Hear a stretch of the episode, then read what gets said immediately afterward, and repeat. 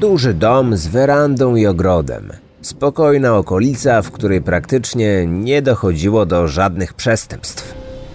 Bardzo ze sobą zżyte, życzliwe sąsiedztwo. O takim właśnie życiu marzyli Derek i Maria Brodus. Ona wychowywała się w dużym domu. On nigdy nie zaznał podobnych luksusów.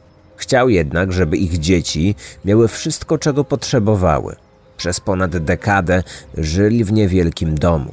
W końcu przestał być on wystarczający dla pięcioosobowej rodziny. Ich pociechy dorastały i marzyły o własnej przestrzeni. Derek pracował w firmie zajmującej się ubezpieczeniami na nowojorskim Manhattanie.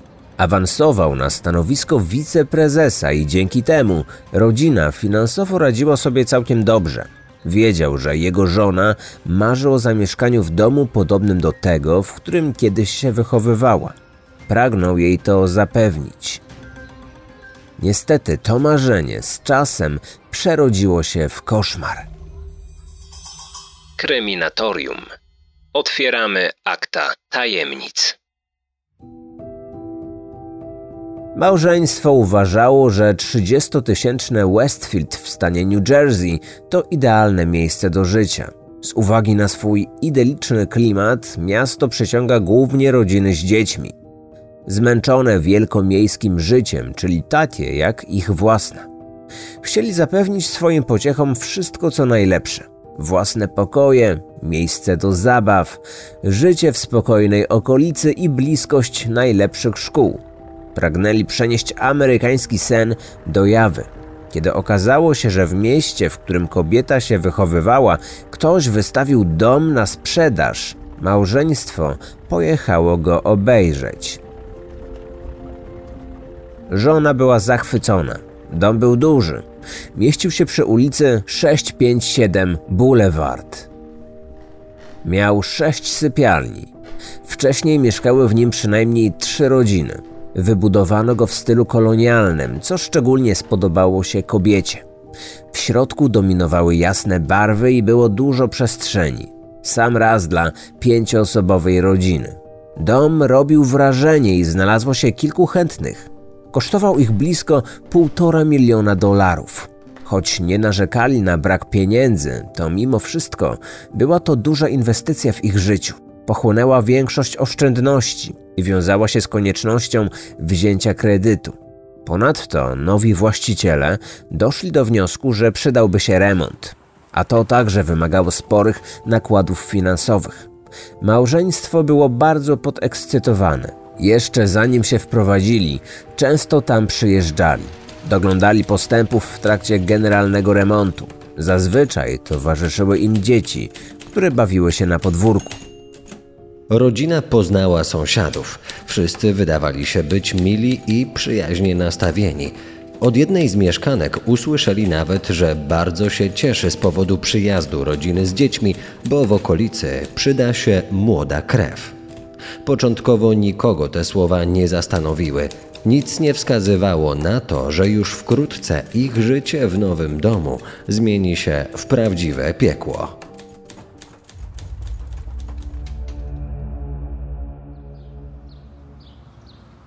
Był czerwiec 2014 roku. Pewnego wieczoru Derek postanowił samodzielnie pomalować ściany w kilku pokojach.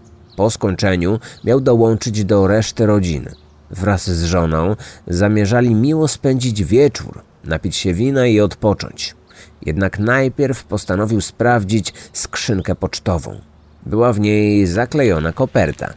Początkowo pomyślał, że to jakieś rachunki lub korespondencja do byłych właścicieli. Po wyjęciu listu okazało się, że był adresowany do nich. Nadawca nazywał ich nowymi sąsiadami spod 657.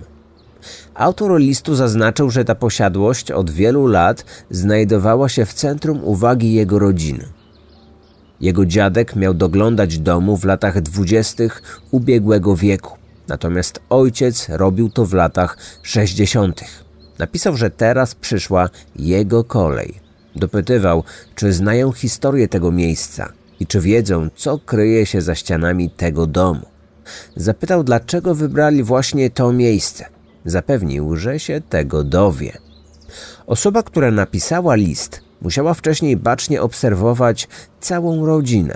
Wiedziała, jaki mają samochód. Wyraziła też swoje niezadowolenie, że w domu przeprowadzono remont. Małżeństwo zostało oskarżone o zamiar zniszczenia domu, który był idealny bez żadnych poprawek i remontów. Jednak najbardziej niepokojący fragment wiadomości dotyczył ich dzieci. Widziałem je. Chyba macie trójkę, prawda? Czy planujecie powiększenie rodziny? Czujecie potrzebę, by jeszcze bardziej wypełnić dom młodą krwią? Dla mnie to nawet lepiej. Pewnie wasze stare mieszkanie było zbyt małe dla was wszystkich, a może przeprowadziliście się tu z poczucia chciwości. Kiedy tylko poznam imiona waszych dzieci, zawołam je i przyciągnę do siebie. Ich dzieci były małe, miały 5, 8 i 10 lat. Łatwo można było je uprowadzić lub zrobić krzywdę, gdyby znalazły się same na podwórku. Przeprowadzka miała zwiększyć ich poczucie bezpieczeństwa, a wszystko wskazywało na to, że mogło być kompletnie na odwrót. Nadawca listu nie przedstawił się. Napisał tylko, że może być potencjalnie każdym. Osobą, która codziennie przejeżdża obok ich domu lub sąsiadem. Wprost drwił z nich i prawdopodobnie chciał wywołać u nich poczucie paranoi, tak aby podejrzewali każdego i żyli w nieustannym stresie. Na końcu napisał, że wita ich w sąsiedztwie. Nazywał małżeństwo przyjaciółmi, co niezbyt pasowało do treści całego listu. Podpisał się jako obserwator i właśnie tak rodzina nazwała swojego prześladowcę. Jak można się domyśleć, zamiast relaksu i odpoczynku, rodzinę czekał nerwowy wieczór i noc. Jak tylko Derek przeczytał list, wyłączył wszystkie światła w domu. Zaczął obserwować podwórko. Sprawdzał, czy przypadkiem ktoś się tam nie kręci. Autor listu mógł czaić się w pobliżu domu. Wydawało się to prawdopodobne, zwłaszcza, że sam siebie nazywał obserwatorem. Koło godziny 22 Derek powiadomił policję. Byłem w szoku, kiedy właściciel domu pokazał mi list. Żyjemy w spokojnym mieście i społeczności. Rzadko kiedy dochodzi tu do przestępstw. Pomyślałem, że być może ta rodzina miała jakichś wrogów, kogoś, kto źle im życzył. On twierdził, że nikt, kogo on zna, nie napisałby takiego listu. Derek i Maria nie wiedzieli, co mają zrobić. Przeczuwali, że lokalni stróże prawa nie będą szczególnie pomocni. Policjant próbował uspokoić Dereka. Mówił, że nie powinien się tym przejmować, że to jedynie jakiś głupi żart. Mężczyzna miał jednak złe przeczucia. Maria wpadła na pomysł, aby skontaktować się z poprzednimi właścicielami. Być może mieli podobne problemy, które wpłynęły nawet na to, że wyprowadzili się z tego domu. Osobami, które wcześniej tam mieszkały, było małżeństwo naukowców. John i Andrea żyli w tym domu ponad 23 lata. Krótko przed sprzedażą nieruchomości otrzymali podejrzany list. Ktokolwiek był jego autorem, podpisał się wyłącznie jako obserwator. Nie mieli pojęcia, kim on mógł być, ale szczególnie się tym nie przejęli. Uznali to po prostu za dziwne. Nie była to informacja, na którą Maria i Derek liczyli. Nie chcieli czuć się w tym osamotnieni i szukali kogoś, kto mógłby ich zrozumieć. Właśnie kupili dom i wpompowali w niego wszystkie swoje oszczędności. Dlatego tak nerwowo zareagowali na tę podejrzaną korespondencję. W międzyczasie policja poinformowała nowych lokatorów, by ci nie rozpowiadali nikomu o tym, że dostali dziwny list. Zapowiedziano, że wszystkie osoby mieszkające w pobliżu zostaną przesłuchane. Małżeństwo miało przeczucie, że za listem stoi właśnie ktoś z sąsiadów. Zwłaszcza, że jedna z kobiet mieszkających kilka domów dalej powiedziała do nich, że cieszy się, iż w okolicy pojawiła się młoda krew, mając na myśli ich dzieci. Podobne określenie pojawiło się w korespondencji. Wydawało się możliwe, że obserwator był świadkiem rozmowy i celowo użył tego określenia. Poza tym mijały dni i nie pojawił się żaden nowy list. Rodzina zaczęła myśleć, że to koniec. Dwa tygodnie później Maria znalazła w skrzynce pocztowej kolejny list od obserwatora. Podobna koperta i kartka, ten sam rodzaj pisma.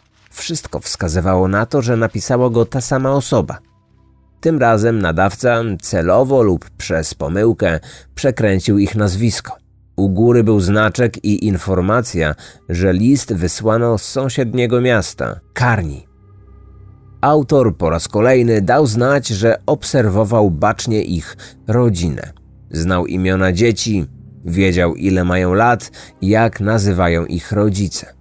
To jednoznacznie wskazywało na to, że osoba musiała znaleźć się bardzo blisko ich domu. Ponownie pojawiła się wzmianka o młodej krwi. Obserwator zapewnił, że już dawno po korytarzach nie biegała żadna młoda krew. Zapytał, czy rodzina już się dobrze zaznajomiła z domem i czy poznała jego wszystkie tajemnice. Było tam coś o piwnicy. Czy nasze dzieci bawią się tam, czy może boją się tam nawet zejść? Gdyby on, obserwator, był na ich miejscu, to by się bał. W końcu piwnica jest oddzielona od pozostałej części domu i nie można by wtedy usłyszeć ich krzyku. Takie rzeczy on właśnie napisał do nas w drugim liście.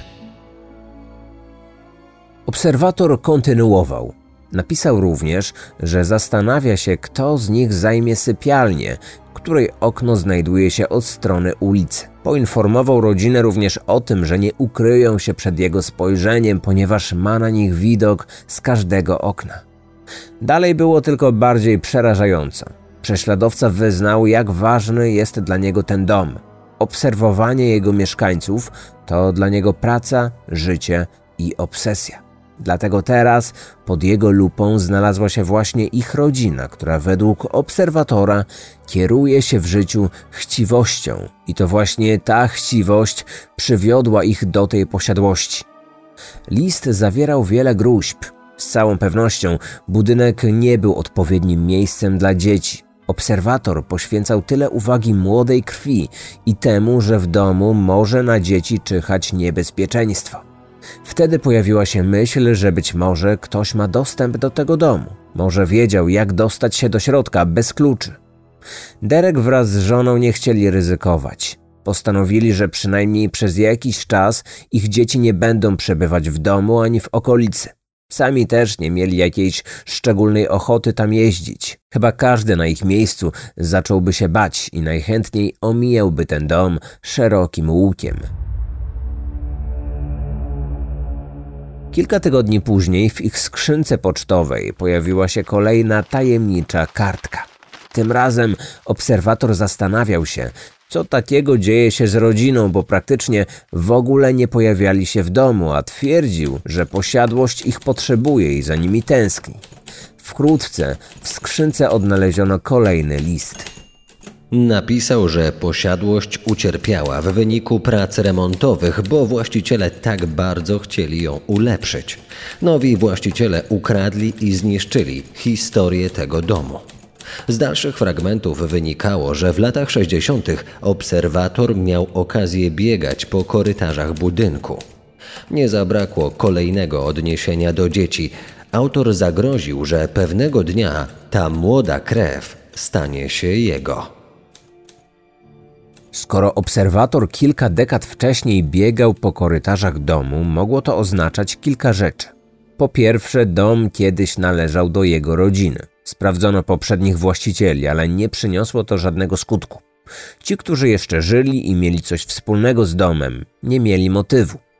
Po drugie, obserwator był dzieckiem kogoś, kto pracował w tym budynku. Być może jego ojciec i dziadek byli służącymi lub wykonywali innego rodzaju pracę na terenie posiadłości. Po trzecie, wychowywał się w pobliżu i prawdopodobnie przyjaźnił się z dziećmi dawnych właścicieli. W czasie, kiedy policja prowadziła śledztwo, na własną rękę próbowali się dowiedzieć, kim jest obserwator. Po rozmowie z sąsiadami zainteresowali się pewnym mężczyzną mieszkającym w okolicy. Tym człowiekiem był Michael Langford. Miał on opinię wycofanego dziwaka. W przeszłości wykryto u niego schizofrenię paranoidalną. Mimo wszystko uważano, że jest nieszkodliwy. Miał około 60 lat i mieszkał z 90-letnią matką. Małżeństwo zaczęło go podejrzewać. Kilkukrotnie widzieli go w okolicy. od razu wydał im się dziwny. Poza tym, z okien swojego domu widział ich werandę, na której często bawiły się dzieci. Z listów wynikało, że był w stanie dostrzec, co dzieje się na werandzie. Mieszkał w okolicy wystarczająco długo, aby móc przez lata obserwować dom. W pierwszym liście obserwator zaznaczył, że w latach 60. posiadłością opiekował się jego ojciec, a ojciec Michaela kupił ten dom w tym okresie. Nie wiadomo, gdzie rodzina mieszkała wcześniej, ale Derek był pewien, że nawet jeśli dziadkowie mężczyzny mieszkali gdzieś indziej, to i tak mogli znać okolice i posiadłość. To już wtedy mogła narodzić się ta obsesja, o której było w listach. Policja przesłuchała Michaela. Zeznał, że nie ma pojęcia o żadnych tajemniczych listach. Wydawał się zaskoczony. Na jego winę nie było żadnych dowodów. Postanowiono wykorzystać pewien podstęp. Małżeństwo wysłało list do Langfordów. Napisali w nim, że zamierzają porzucić ten dom. Może nawet go zburzyć, aby w jego miejsce wybudować coś nowego lub sprzedać ziemię. Liczyli na jakąś reakcję, ale nic takiego nie miało miejsca. Policja nie wiedziała za bardzo, co z tym zrobić. Obecni lokatorzy byli zirytowani postawą stróżów prawa. Obawiali się o własne dzieci. W końcu doszli do wniosku, że nie mogą pozostać w tym miejscu. Zamieszkali więc z teściami, zastanawiając się, co dalej. Wynajęli nawet zawodowca. Liczyli na to, że uda mu się dotrzeć do prawdy. Prywatny detektyw dowiedział się, że w okolicy mieszka dwóch mężczyzn, których nazwiska znajdują się w rejestrze sprawców seksualnych. Był to dość ciekawy i niespodziewany wątek, ale przecież w listach obserwator często odnosił się do najmłodszych członków rodziny. Pojawiły się podejrzenia, że być może są to osoby o skłonnościach pedofilskich, które wybrały sobie za cel właśnie te dzieci i stąd pojawiły się listy. Mimo to mężczyzn szybko wykluczono z grona podejrzanych, ponieważ okazało się, że to ślepy zaułek. To nie zraziło rodziny. Wynajęli kolejną osobę, która miała poprowadzić własne dochodzenie. Tym razem postawiono na byłego agenta FBI, który w przeszłości często spotykał się z podobnymi, a nawet bardziej złożonymi zagadkami. Przeanalizowałem napisane zdania. To, jak zostały skonstruowane i jakie słownictwo wykorzystano. Na podstawie takiej analizy można mniej więcej określić, w jakim przedziale wiekowym znajduje się osoba, która napisała dany tekst. W przypadku tych listów można zauważyć, że autor bądź autorka wykorzystała pewne zwroty, które obecnie nie są zbyt często używane.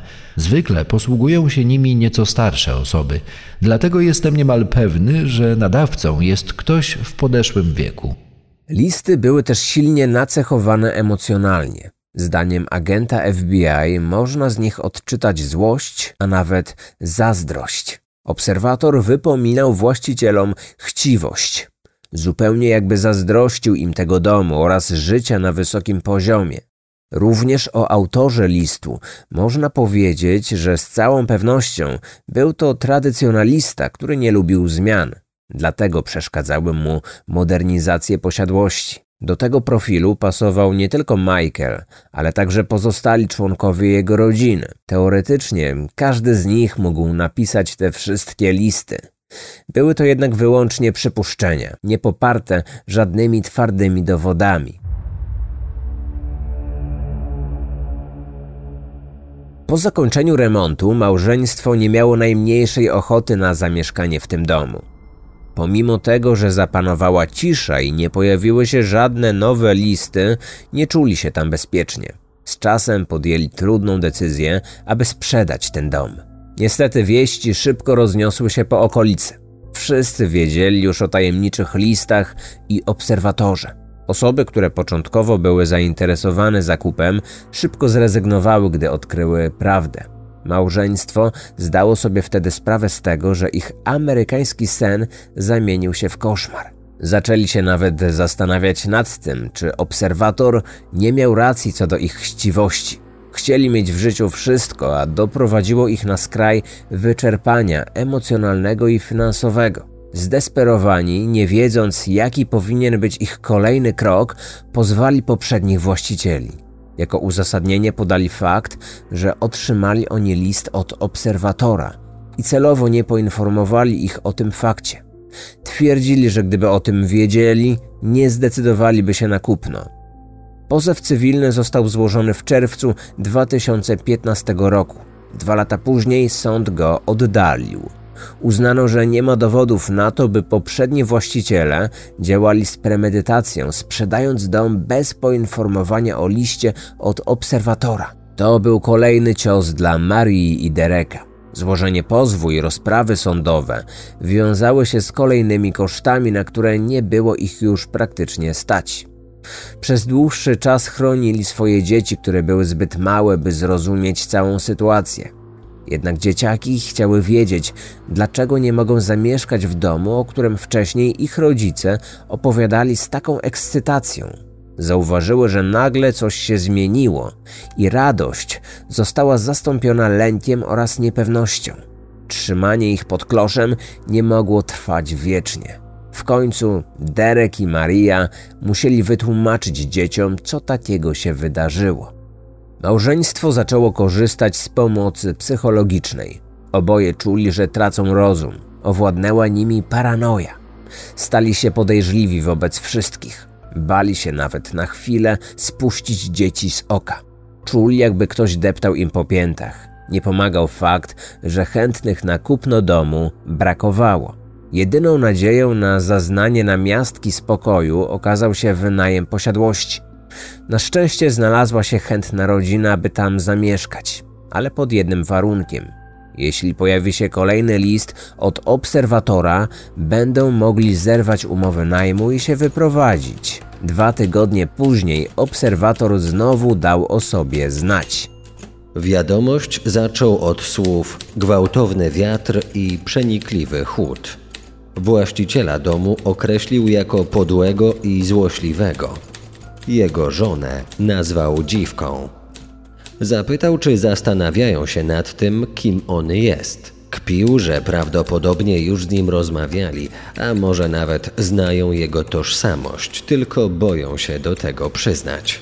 Obserwator wspominał o swoich żołnierzach, którzy mieli bronić domu i okolicy, spełniając jego rozkazy. Dalej pojawiła się bezpośrednia groźba tego, co mogłoby się stać niewygodnym lokatorom. Wypadek samochodowy, pożar lub tajemnicza choroba. Być może coś złego mogłoby także spotkać ich zwierzaka, bo w końcu ci, których kochamy, umierają niespodziewanie, stwierdził autor tych pogróżek. Był to z całą pewnością najbardziej przerażający list ze wszystkich. Wynajmująca dom rodzina poczuła się zagrożona. Początkowo chcieli od razu się wyprowadzić, ale w końcu doszli do porozumienia z Derekiem i Marią, którzy zapowiedzieli zainstalowanie kamer w rezydencji. I tak wkrótce się stało.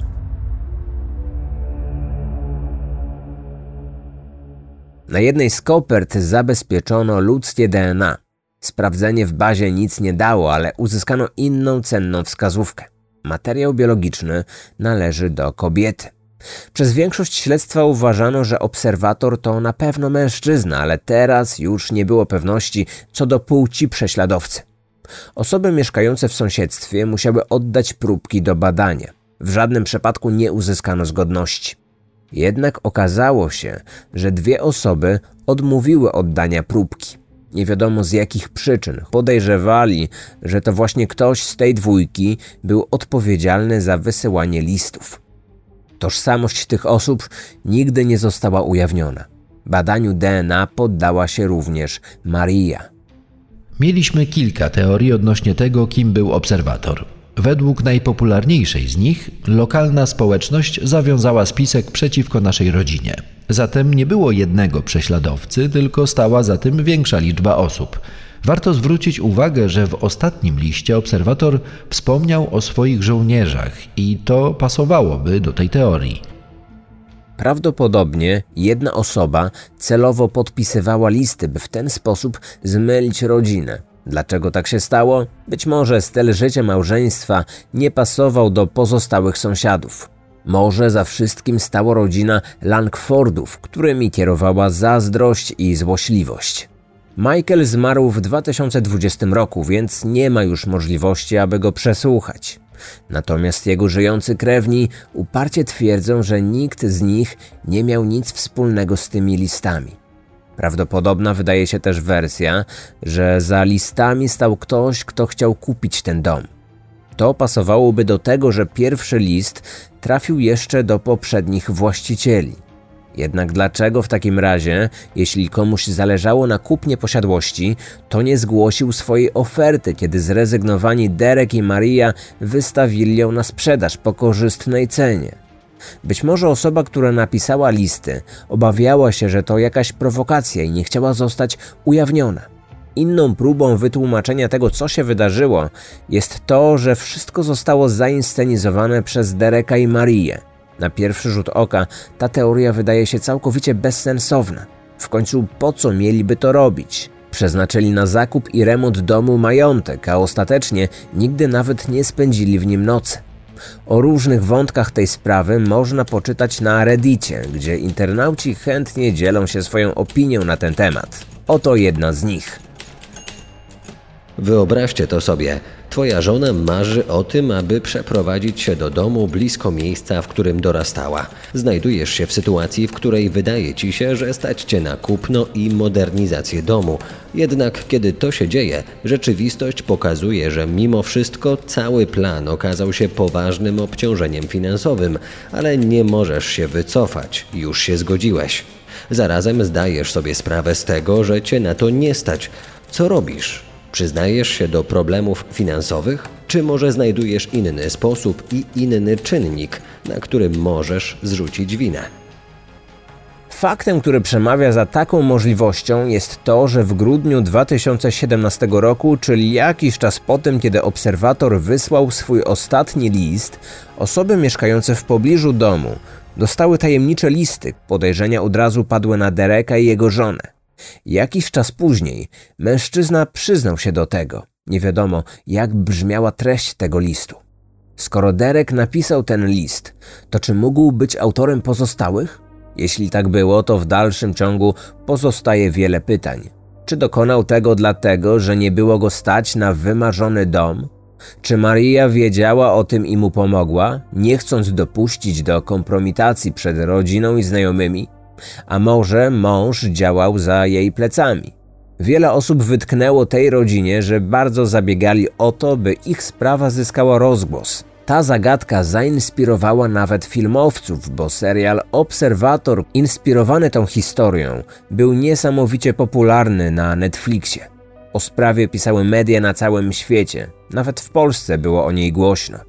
Niektórzy zastanawiają się, czy małżeństwo to wszystko uknuło dla sławy i potencjalnych korzyści wynikających z rozgłosu. Czytając treść listów wysłanych przez obserwatora, można zwrócić uwagę na wzmianki o samym domu.